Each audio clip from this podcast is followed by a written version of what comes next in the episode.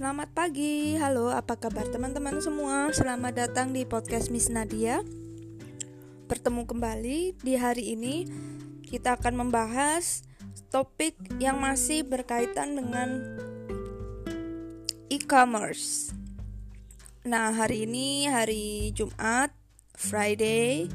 So, seperti biasa, setiap hari Jumat saya akan membawakan topik baru yang terkait dengan e-commerce. Gimana semuanya? Apakah kalian masih semangat? Ya, saya harap mudah-mudahan selalu semangat ya. Tiap hari itu sesuatu selalu berganti, selalu ada hal-hal baru di hari yang berbeda. Walaupun yang kita kerjakan itu sama, tapi sebenarnya esensi dari pekerjaan itu selalu berbeda. So, itulah kenapa kita harus tetap semangat. Oke. Okay. Kalau hari ini cerah seperti biasa 3-4 hari panasnya luar biasa banget ya. Saya pikir mau hujan ternyata nggak hujan-hujan juga. Jogja seperti mau meletus nih ya gunung berapi Tapi memang beberapa kali sempat terjadi guguran. Saya lihat beritanya Saya ikut pantauannya Hawa juga hawa gunung terasa banget di kota Jogja. Sudah hampir seminggu mungkin tidak ada hujan. So ini manfaat buat kita semua bisa jemur pakaian dengan leluasa. Oke. Okay. Rezeki panas ya hari ini. Nah, itu sekilas info saja terkait dengan cuaca hari ini. Seperti biasa, openingnya selalu ngomongin cuaca ya. Atau mau ngomongin yang lain, banyak banget. Ngomongin soal hmm, WFH. Di WFH diperpanjang lagi ya. Sampai April, kalau nggak salah sampai tanggal 5 April. Nah, gimana nih uh, untuk minggu ini e-commerce sudah harus masuk ke B2B dan B2C. Kalau minggu lalu masih bahasan metode pembayaran online ya. Banyak metode yang bisa dipakai, tetapi hanya beberapa yang mayoritas atau familiar dipakai oleh masyarakat Indonesia, seperti transfer bank misalnya. Tuh ya pokok bahasan minggu lalu. Nah, pokok bahasan untuk minggu ini tidak lagi terkait dengan metode pembayaran, tapi sudah berkaitan dengan perbedaan mendasar antara bisnis to bisnis, jenis bisnis dengan bisnis to consumer, gitu ya. Nah, secara umum, teman-teman, namanya bisnis itu tidak lepas dari aktivitas produksi, pembelian, penjualan, serta pertukaran barang dan jasa, di mana melibatkan orang, perusahaan. Nah, sedangkan di konteks yang sangat sempit, yang lebih kecil lagi, pengertian bisnis itu sering banget dikaitkan dengan sebuah usaha atau organisasi atau perusahaan di mana menghasilkan barang jasa alias memproduksi ya untuk keuntungan untuk mendapatkan sebuah profit atau laba.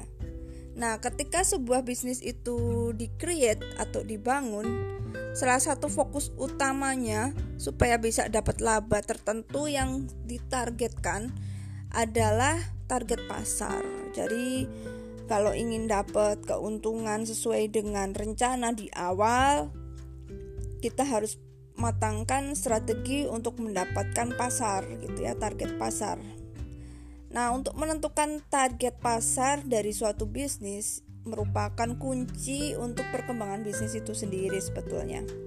Karena model bisnis dan strategi dalam mengembangkan bisnis itu sangat bergantung uh, depend on the target market.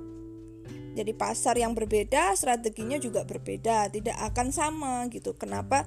Setiap perusahaan itu punya strategi sendiri karena punya market sendiri ya different market with different strategy. Ada dua jenis sebetulnya dasar dalam berbisnis. Secara umum yang uh, mungkin mayoritas kita harus tahu ya mayoritas yang kita harus ketahui secara umum itu ada dua. Sebenarnya lebih dari dua sih. Tapi yang wajib atau yang mayoritas harus kita tahu itu adalah B2B business to business dan B2C B2C business to customer. Jadi mari kita cek apa itu B2B dan B2C. Nah, tadi kan sudah sedikit disinggung bahwa tujuan dari sebuah bisnis the purpose of business is to gain some profit mendapatkan profit ya nah tapi tidak hanya uh, fokus di profit aja supaya bisa dapat profit kan harus menentukan target market nah untuk bisa menentukan target market semisal kita sudah temukan lalu apa nah tentu saja fokusnya adalah how to serve the needs of customer itself jadi gimana melayani kebutuhan dari pelanggan itu sendiri dan mencoba e, menargetkan laba pada akhirnya ya. Berarti inti dari semuanya itu adalah pelayanan sebetulnya, memberikan sebuah service yang memang masyarakat atau customer itu butuhkan. Nah, pada umumnya setiap orang dalam menjalankan bisnis nih melihat kesempatan kan. Misalnya ayo mau usaha, usaha apa ya enaknya yang banyak orang cari. Misalnya seperti itu. Nah, untuk bisa menciptakan barang jasa, eh, kita juga tentunya melihat sebuah kesempatan bagaimana pada akhirnya ini nanti bisa dibutuhkan yang betul-betul dibutuhkan oleh si customer gitu ya. Jadi kita harus menawarkan ciptaan kita, barang jasa kita yang kita create ini ya, dan itu adalah sebuah kesempatan gitu. Tapi jangan sampai kita create something uh, yang mereka butuhkan, yang seolah-olah kita tahu bahwa itu adalah yang mereka butuhkan, tapi nggak ada chance, nggak ada kesempatan. Artinya persaingan di situ sangat ketat banget, gitu ya, berdarah-darah, kompetitornya terlalu uh, crowded, atau bahkan ada kesempatan besar pemainnya nggak ada gitu ya kompetitornya masih sedikit. Nah ini bisa jadi sebuah kesempatan begitu. Nah selain itu juga dipengaruhi oleh keinginan dalam memproduksi barang yang lebih murah. Nah tentu saja namanya produsen kalau kita nanti jualan ya kita maunya juga sebuah cost produksi itu ditekan sedemikian uh, sesuai dengan budget yang kemampuan kita. Sebagai produsen tidak terus over uh, budget gitu ya. Kadang kan prediksinya oh harga bahan bakunya sudah tahu nih sekian tapi ternyata ketika diproduksi kok jadi melambung membesar kosnya nah ini udah over budget otomatis nanti harga jual ikut jadi mahal banget karena harus balik modal minimal BEP dari produksi. Nah ini dia yang kadang harus dipikirkan bahwa ketika memproduksi itu kalau bisa biayanya itu ditekan sedemikian mungkin supaya harga jual itu masih dalam tatanan standar kemampuan si customer yang kita tuju gitu ya. Nah, artinya kesempatan mendapatkan sebuah profit atau laba hal ini menjadi lebih terbuka gitu ya karena kita ada beberapa strategi untuk menekan harga itu tadi. Nah, kita bisa menyediakan apa saja ke konsumen ya, tentu saja yang mereka butuhkan. Nah, sedangkan pihak-pihak di sini yang berkepentingan nih dalam bisnis ya sebelum kita akhirnya nanti menjelaskan apa itu B2B dan B2C eh, pihak-pihak uh, yang berkepentingan ini ada lima. Yang pertama adalah owner si pemilik bisnis ini atau produsen. Um, lalu yang berikutnya ada kreditor kreditor. Nah kreditor ini mereka yang memberikan suatu investasi ya investment. Lalu ketiga ada employee karyawan kita sendiri atau karyawan uh, dari melakukan yang melakukan produksi lalu ada pemasok atau yang disebut dengan supplier yang mereka punya tugas memberikan beberapa barang ya membeli memberikan kita bahan bahan baku dan semuanya ya dipasok. Dan terakhir adalah yang paling penting yaitu customer pelanggan. Jadi ada lima pihak yang sangat berkepentingan mereka ini tidak bisa dilepaskan dari kegiatan bisnis baik itu sifatnya B2B atau B2C lima ini pertama adalah si owner pemilik itu sendiri lalu kreditor yang melakukan sebuah investasi di situ modal dan sebagainya. Ada karyawan yang memproduksi yang ikut kita bekerja sebagai di tempat produsen. Lalu ada supplier yang memasok barang-barang bahan baku di sini sebagai salah satu faktor yang kita tunggu-tunggu karena penting banget untuk memproduksi ya. Dan terakhir adalah customer itu sendiri yang kita targetkan supaya barang itu laku. Nah, sekarang kita harus mengenal jenis bisnis. Tadi sudah sedikit disinggung. Yang pertama adalah B2B, yaitu business to business. Nah, business to business ini transaksi yang dilakukan elektronik, teman-teman. Tapi juga bisa melakukannya melalui fisik. Jadi elektronik bisa, fisik juga bisa. Nah, ini terjadi di antara entitas bisnis dari satu entitas bisnis ke bisnis yang lain. Jadi dia itu dilakukan oleh dua instansi bisnis gitu ya, dua perusahaan. Nah, bisnis to bisnis atau B2B biasanya ini menjual produk atau jasa yang diberikan oleh satu instansi bisnis atau satu organisasi bisnis dan diperuntukkan untuk organisasi bisnis yang lainnya gitu. Jadi transaksinya ini berjalan antara dua organisasi bisnis atau lebih gitu ya. Tidak ada customer di situ. Jadi jual belinya antara instansi ke instansi, bukan pada konsumen. Jadi itu yang disebut dengan B2B. Ya. So, how about the example? Nah, contohnya gimana nih? Contohnya ketika kita menjalankan bisnis e, misalnya kita jual makanan ya terus kita lakukan penjualan ke restoran gitu ya ke restoran atau ke bisnis kuliner yang lainnya. Jadi bukan langsung ke customer yang memang penikmat makanan jadi ke penjual makanan gitu. Nah ini yang disebut dengan B2B jadi kita masuk barang gitu ya ke restoran. Misalnya kita jualan um, apa sih ikan ya. Misalnya kita punya bisnis uh, ternak ikan gitu. Ternak ikan dan ikannya ini memang ikan untuk dipasok ke restoran-restoran. Misalnya gurame kita punya uh, usaha peternakan ikan gurame terus punya peternakan ayam terus kita pasok ke beberapa restoran yang memang dia menyajikan menu ayam. Nah seperti itu. Jadi antara bisnis ke bisnis bukan langsung ke customer. Nah gimana bu kalau misalnya ada yang mau beli ya dia customer gitu ya. Nah, kita harus fokuskan lagi sebagai produsen mau jalan di B2C atau B2B gitu. Pusing nanti hitungannya. Hitungannya is different, beda. Beda banget untuk menjual ke customer dan menjual ke bisnis beda. Makanya kadang ketika jalan-jalan survei gitu ke ketika melakukan penelitian um, ada perusahaan yang kita teliti tuh memang dia bergeraknya tidak ngurusin customer yang kecil-kecil gitu. Dia memang hanya melayani untuk restoran-restoran, hanya melayani untuk hotel misalnya atau melayani uh, maskapai. Jadi dia spesialis jualannya itu ke perusahaan, bukan ke customer end gitu ya, end customer. Itu yang disebut dia adalah bisnis to bisnis yang dia lakukan, jenis usahanya adalah B2B. Ini bisa jadi salah satu solusi teman-teman. Uh, biasanya profitnya lebih gede sih karena kesinambungnya kesinambungan atau sustainability bisnisnya lebih terjamin gitu ya.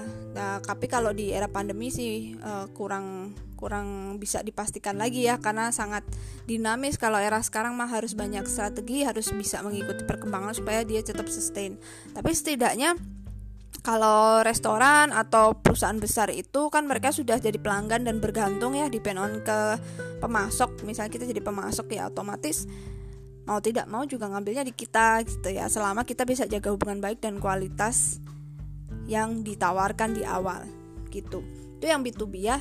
Lalu kebalikan dari B2B nah ini tadi yang misalnya bu bisa nggak kita tuh sebenarnya melayani restoran gitu? Kita jualan ayam ya peternak ayam.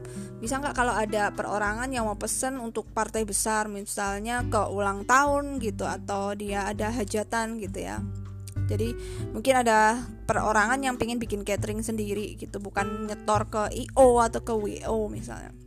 Nah bisnis to customer ini eh, merupakan bisnis yang pelayanan atau penjualan barangnya kepada konsumen perorangan gitu ya dan atau ke grup secara langsung direct. Jadi misalnya ada yang mau ngambil silakan. Misal jualan ada yang perorangan. Kalau di tetangga saya dulu tuh ada yang jualan tahu sih tahu bakso. Dia tuh ngelayanin perusahaan juga restoran besar tapi juga ngelayanin perorangan loh. Tapi aku nggak ngerti ya gimana dia punya penghitungan manajemen keuangannya karena kita kan nggak neliti hal yang kecil ya karena dia rumah tangga jadi dikerjain sendiri dari pagi bangun bikin bakso gitu. Yang kita teliti biasanya yang udah berbadan hukum ya CV PT karena apa? Karena lebih jelas administrasinya terus punya track record dia bekerja sama itu udah kompleks gitu loh manajemennya udah kompleks. Kenapa kita pilih meneliti itu yang sudah berbadan hukum? Karena dia udah kompleks pemikirannya itu sudah jauh lebih tertata. Kalau perorangan dia sendiri misalnya tetangga saya belum bikin PT belum bikin CV jadi baru swadaya sendiri gitu ya. Dan pasti keuangannya juga ya seperti itu gitu ya susah payah banget pasti ngaturnya. Karena tidak berfokus. Jadi seseorang atau apa pun itu ketika dia terspesialisasi dia fokus yang dihasilkan tuh biasanya lebih menjanjikan gitu. Karena strateginya juga tepat sasaran. Kalau strateginya tidak fokus mau ke sini ke orang atau ke perusahaan bingung semua semua dilayanin bingung nanti ya. Tapi menolak juga kadang susah bu. Kalau ditolak ya kita nggak enak gitu. Nah mungkin bisa aja strateginya kalau kalian mau main B2B yang B2C nya itu hanya orang tertentu aja. Jadi kalau suatu saat ada orang yang tidak langganan ya bisa dibilang oh ini untuk partai besar jadi harus beli grosir. Misalnya anda bilang seperti itu. Oh dia hanya melayani wholesale misalnya kayak di perusahaan mana tuh retail yang besar-besar ya kayak di Lotte dulu kan Lotte jualannya hanya untuk pedagang eceran gitu perorangan dulu agak susah nggak bisa karena harus partai besar kecuali memang kita belinya untuk partai besar gitu ya satu sin satu bal misalnya Nah, seperti itu. Jadi, boleh ke B2C asal dia mau ngambil dengan partai besar package-nya gede sesuai dengan package yang dia tawarkan ke bisnis yang lain gitu, ke perusahaan yang lain. Nah, B2C ini uh, karena dia berhubungan langsung dengan konsumen ya. Misalnya kita punya bisnis sembako toko kelontong nah seperti itu. Atau kita jual barang pada konsumen perorangan berarti ini masuk ke B2C tapi jika kita jualnya sembako partai besar ya tadi yang sudah saya jelaskan seperti lote misalnya nah itu masuk B2B kalau kita jualnya ke uh, perusahaan lain atau ke toko yang lain gitu. Kalau di tempat saya ada sih toko beras yang gede banget ya jadi itu laris sekali dan dia partai besar memang partai besar dan perorangan boleh tapi harus wholesale. Jadi setiap kalau ke situ biasanya mau lebaran aja di. Eh mau lebaran aja sih. Kalau beli langsung banyak gitu ya sekaligus. Karena nggak mungkin diecer tuh jadi satu renteng gitu kopinya terus apalagi tuh rotinya juga harus satu dus gitu ya satu dus kaleng kongguan itu nggak bisa satu-satu jadi harus satu dus gitu. Nah pas banget kalau pas lebaran karena bagi-bagi otomatis kita mendingan beli yang grosir sekalian. Nah seperti itu. Jadi dia ngelayanin juga tapi harus partai gede karena memang dia fokusnya adalah untuk perusahaan lain atau untuk toko yang lain ngejualnya bukan perorangan. Kalau perorangan mau beli silakan dengan ukuran yang memang sudah ditentukan. So pada umumnya hampir semua produk B2C ya bisa jadi produk B2B ya jelas ya. Sedangkan produk B2B itu sangat sedikit gitu. Lah inilah kenapa banyak yang hybrid. Kalau kita ngejualnya hanya perusahaan aja kadang kurang bu kadang perusahaan juga ngambilnya dikit nah kan perorangan juga sekarang ada yang kepingin ngambil dalam partai besar gitu jadi ada yang akhirnya seperti toko kelontong di dekat rumah saya itu ya toko beras yang nanti bisa partai besar belinya toko beras tapi dia lengkap loh. Ada sabun ya ada odol macem-macem. Ada makanan keripik ya pokoknya partai gede. Semuanya partai besar gitu ya. Bahkan cuci piring uh, pokoknya alat rumah tangga bahan, bahan pokok rumah tangga dan seperti benar-benar seperti lote tapi dia lokal ya di dekat rumah gitu. Jadi selalu rame dan kasirnya tuh selalu antri dan barang yang dibawa tuh banyak banget di troli. Nah, itu dia masuk ke wholesale sebenarnya aduh itu kalau udah mau lebaran antrinya ampun. Oke yuk kita belajar lagi menjelaskan ya saya akan jelaskan perbedaan strategi marketing B2B dan B2C nah strategi marketingnya gimana nih? Gitu ya untuk B2B ini adalah calon pelanggan kita harus kita ini trust. Satu hal yang harus dipegang adalah kepercayaan ya. Calon pelanggan itu harus percaya terhadap kualitas brandnya kita sendiri jadi yang sangat perlu dijaga itu adalah kualitas barang dan juga kepercayaan pelanggan. Namanya bisnis kan klien kita harus percaya sama kita. Jadi bisnis kepercayaan yang tadi saya sudah jelaskan. Kalau kita mau masuk ke restoran, kita harus pastikan kualitasnya itu oke, okay. cara kerja kita oke, okay. cara nangani handle problem dan konflik terhadap uh, manajemen misalnya ada konflik ya terkait miskomunikasi atau apa pun itu tuh harus oke okay juga harus uh, bertanggung jawab bagaimana komunikasinya yang baik. Nah, ini jadi salah satu kunci kepercayaan pelanggan ke uh, ke kita yang kita nanti pada akhirnya kalau misalnya kita jadi produsen ya. Nah, maka kita harus memperkuat kualitas dari bisnis, dari produk itu, bagaimana produk yang baik, bagaimana pelayanan juga masuk tadi, ya bagaimana juga mengkomunikasikan apa pun itu dengan pelanggan, harus terus di-upgrade, diperbaiki, harus terus di-adjust, harus terus belajar. Jadi yang namanya bisnis itu benar-benar seperti sarana kehidupan kita untuk belajar. Makanya mulailah untuk punya bisnis kecil-kecilan supaya kita belajar tentang kehidupan menangani orang, menangani berbagai kasus dan situasi, menghandle apa pun di situlah tempat kita belajar. Kan namanya hidup itu sekolah bagi jiwa, apalagi ini bisnis, wah berhubungan dengan banyak jiwa, pasti kita lebih kaya lagi jadi orang nanti ya. Nah bisnis tuh bisnis atau B2C itu target marketingnya tuh sangat berbeda, teman-teman. Target marketnya beda. Nah, untuk yang customer B2C, target marketingnya jelas itu adalah perorangan atau bahkan grup. Sedangkan B2B, target marketnya adalah perusahaan atau sebuah instansi, gitu ya. Kalau grup tadi itu belum bisa dibilang e, instansi loh, masih perorangan tapi bisa jadi perorangan yang hanya beberapa saja tidak berbadan hukum lah. Kalau yang B2B ini jelas dia perusahaan punya badan hukum gitu. Nah, perbedaan lainnya kemampuan pembelian gitu ya. Kemampuan pembelian B2B dan B2C itu beda. Untuk B2C yang customer kan kita kita tidak bisa memprediksi daya beli si pelanggan ya karena jualnya eceran. Jadi siapa tahu hari ini memang ibu saya belanjanya ada roti kongguan itu satu dus, satu lusin isi 12 misalnya yang bundar-bundar kongguan gede-gede itu. Nah, tapi kan belum tentu tiap hari pasti hanya lebaran. So, yang dimaksud gak bisa diprediksi calon pelanggan untuk yang customer perorangan yang B2C itu tidak bisa terprediksi.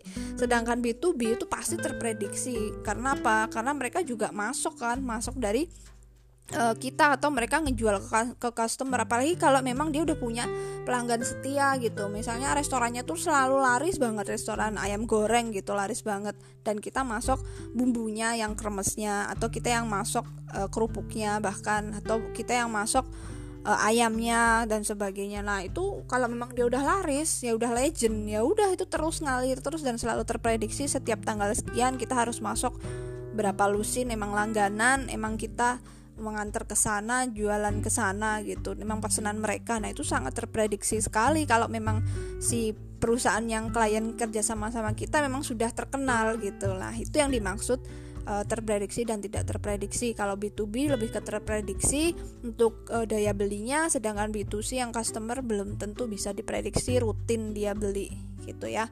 Nah, kenapa? Karena e, mereka ini sudah punya target market sendiri-sendiri, karakternya berbeda begitu. Nah, pada model B2C ya, kita bisa buat promosi lewat sosial media atau website.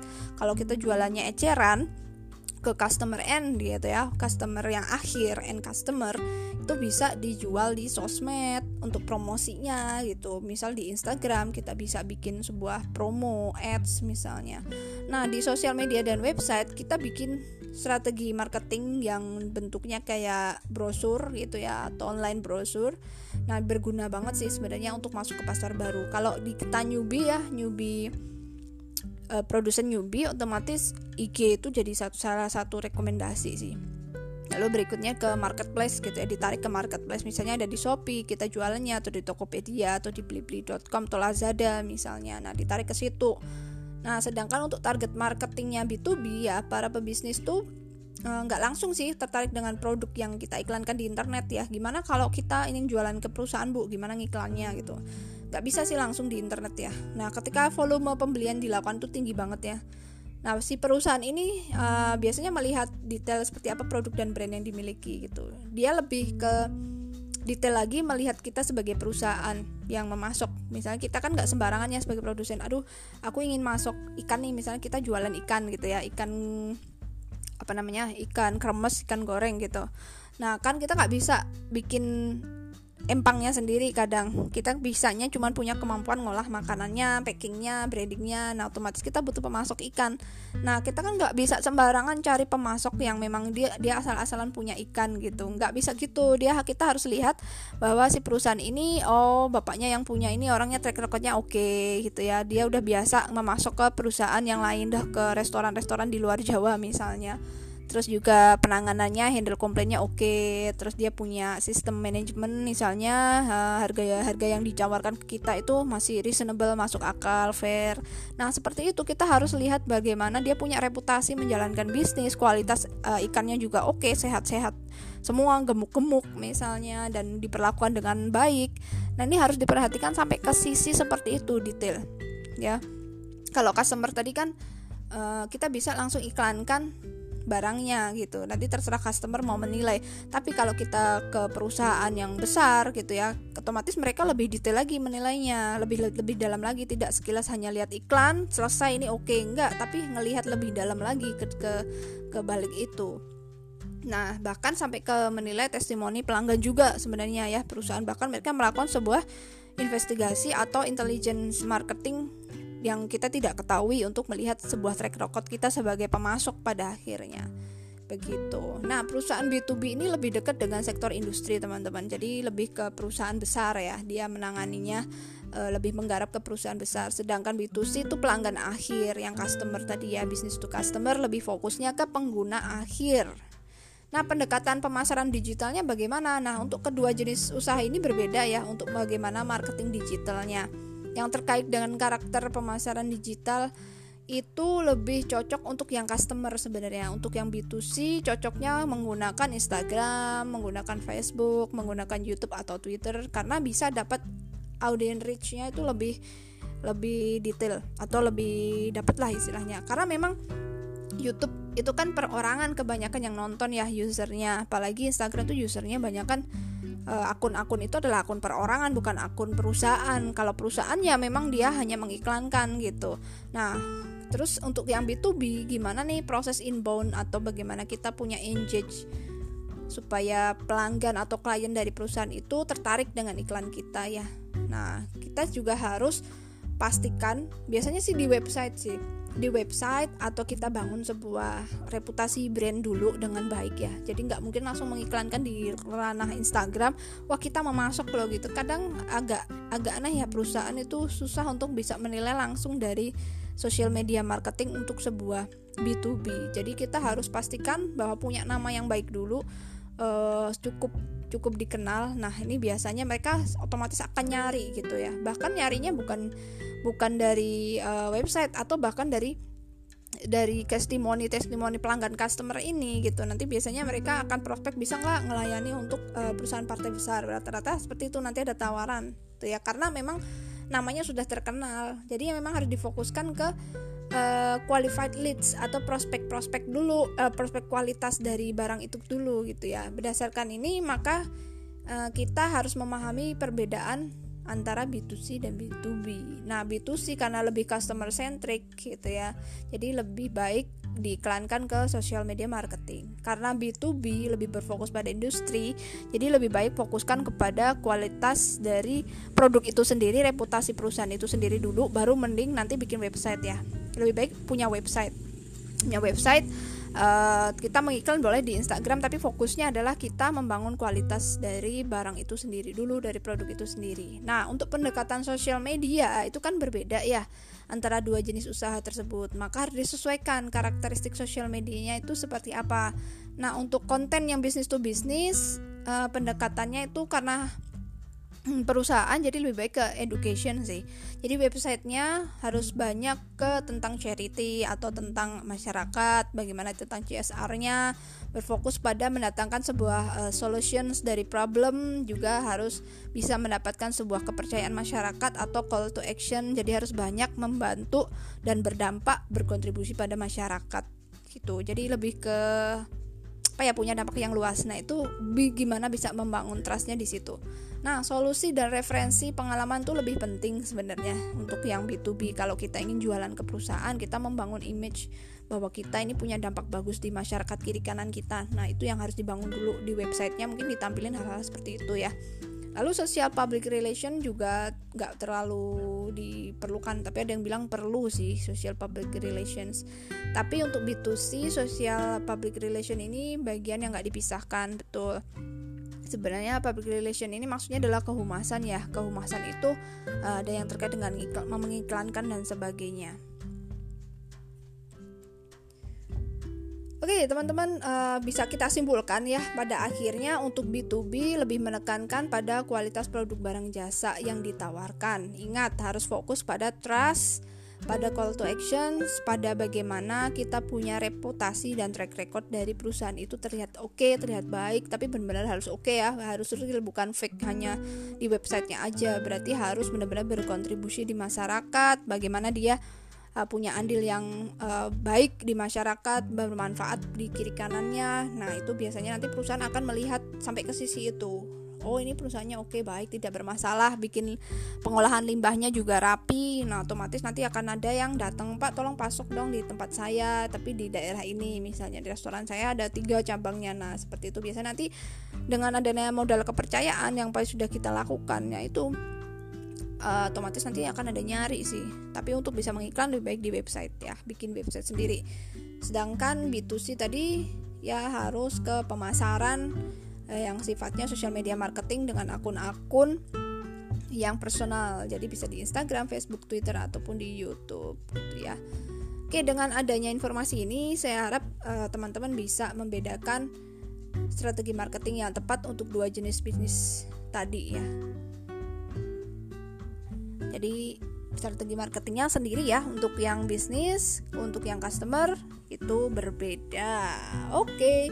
So, teman-teman gimana? Mudah-mudahan bisa ada bayangan ya tentang bagaimana memasok ke perusahaan besar, bagaimana menjual ke customer. Kalau kita biasanya seringnya menjual ke customer sih yang kecil-kecil. Ayo dibeli, dibeli gitu ya.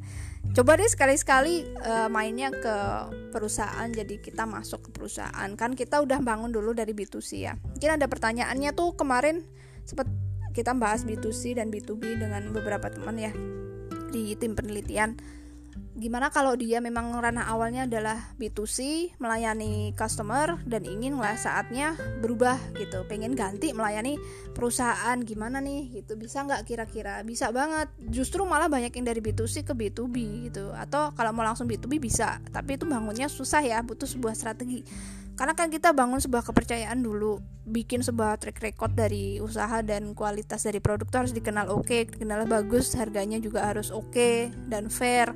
Nah itu dibangunnya ketika dia sedang berfokus menjual barangnya ke customer end gitu ke customer akhir. Nah karena sudah punya track record setahun ini melayani customer akhir terus nanti kan kita bikin sebuah catatan record gitu ya sebuah informasi di website barulah nanti kita mulai merombak bahwa kita akan memasok ke perusahaan kita cari klien dan sebagainya gitu. Banyak yang seperti itu. Ya banyak yang dari customer langsung dia beralih ke melayani perusahaan-perusahaan. Dari yang customernya dia lama-lama uh, ditutup ya di close jadi tidak ngelayanin customer lagi. Dulu sih ngelayanin customer. Uh, kalau ada yang tanya kok nggak jualan lagi? gitu. Ke perorangan. Ya sekarang um, udah bermitra. Jadi kalau misalnya mau beli barangnya ada nih di cabang ini ini nih jadi dia sebutkan nama cabang mitranya gitu. Jadi dia tidak sebutkan lagi jualan dia di situ tidak langsung jual harganya beda nggak bisa beli eceran. Jadi kalau kamu mau beli ada di di sini aja di toko ini toko ini. Itu juga barang saya kok yang masuk. Nah kayak gitu. Nanti harganya juga masih sama. Nah biasanya seperti itu ya. Jadi dia kasih informasinya adalah ke mitranya kalau mau beli barang A B C D misalnya. Itu saya juga misalnya yang masuk kok gitu. Dulu ada temen juga dia jualan seperti ini ya cat air karena dia tukang ngelukis hobinya ngelukis tadinya jualan eceran kan ke perorangan gitu ya ke teman-temannya yang hobi ngelukis. Karena sempat saya ikut uh, ini ya komunitas melukis gitu. Terus dia bilang ada cat air akrilik kan khusus namanya apa ya Giotto kalau nggak salah. Dia juga jual ecer. Lama-lama uh, karena dia punya channel juga dia ada di distributor jualnya ke distributor dia store ke toko merah dan sebagainya gitu ya. Jadi kalau beli aja di toko merah sekarang saya nggak jual ecer lagi soalnya ribet gitu karena harus nyetok dan sebagainya. Sama kok harganya gitu nggak nggak nggak jauh beda. Saya jualannya juga nggak terlalu mahal misalnya di toko sama aja. Jadi dia langsung ngarahin kita ke toko mitranya yang dia pasok ya gitu Oke, itu dia yang dimaksud perbedaan B2B, business to business dan B2C, business to customer. Baik, apakah kira-kira teman-teman masih eh, bingung nggak ya? Kalau misalnya bingung, boleh kok ditanyakan ya. Nanti kita bisa diskusikan di kelas di grup WhatsApp. Oke, okay, mungkin itu dulu yang bisa saya share hari ini yang bisa diinformasikan terkait dengan materi e-commerce yaitu B2B dan B2C hari ini gitu ya. Semoga teman-teman ada tambahan informasi dan pengetahuan lagi hari ini dan sampai bertemu lagi ya minggu depan dengan materi yang lebih menarik tentunya. Juga selalu jaga kesehatan. Oke, okay. wassalamualaikum warahmatullahi wabarakatuh.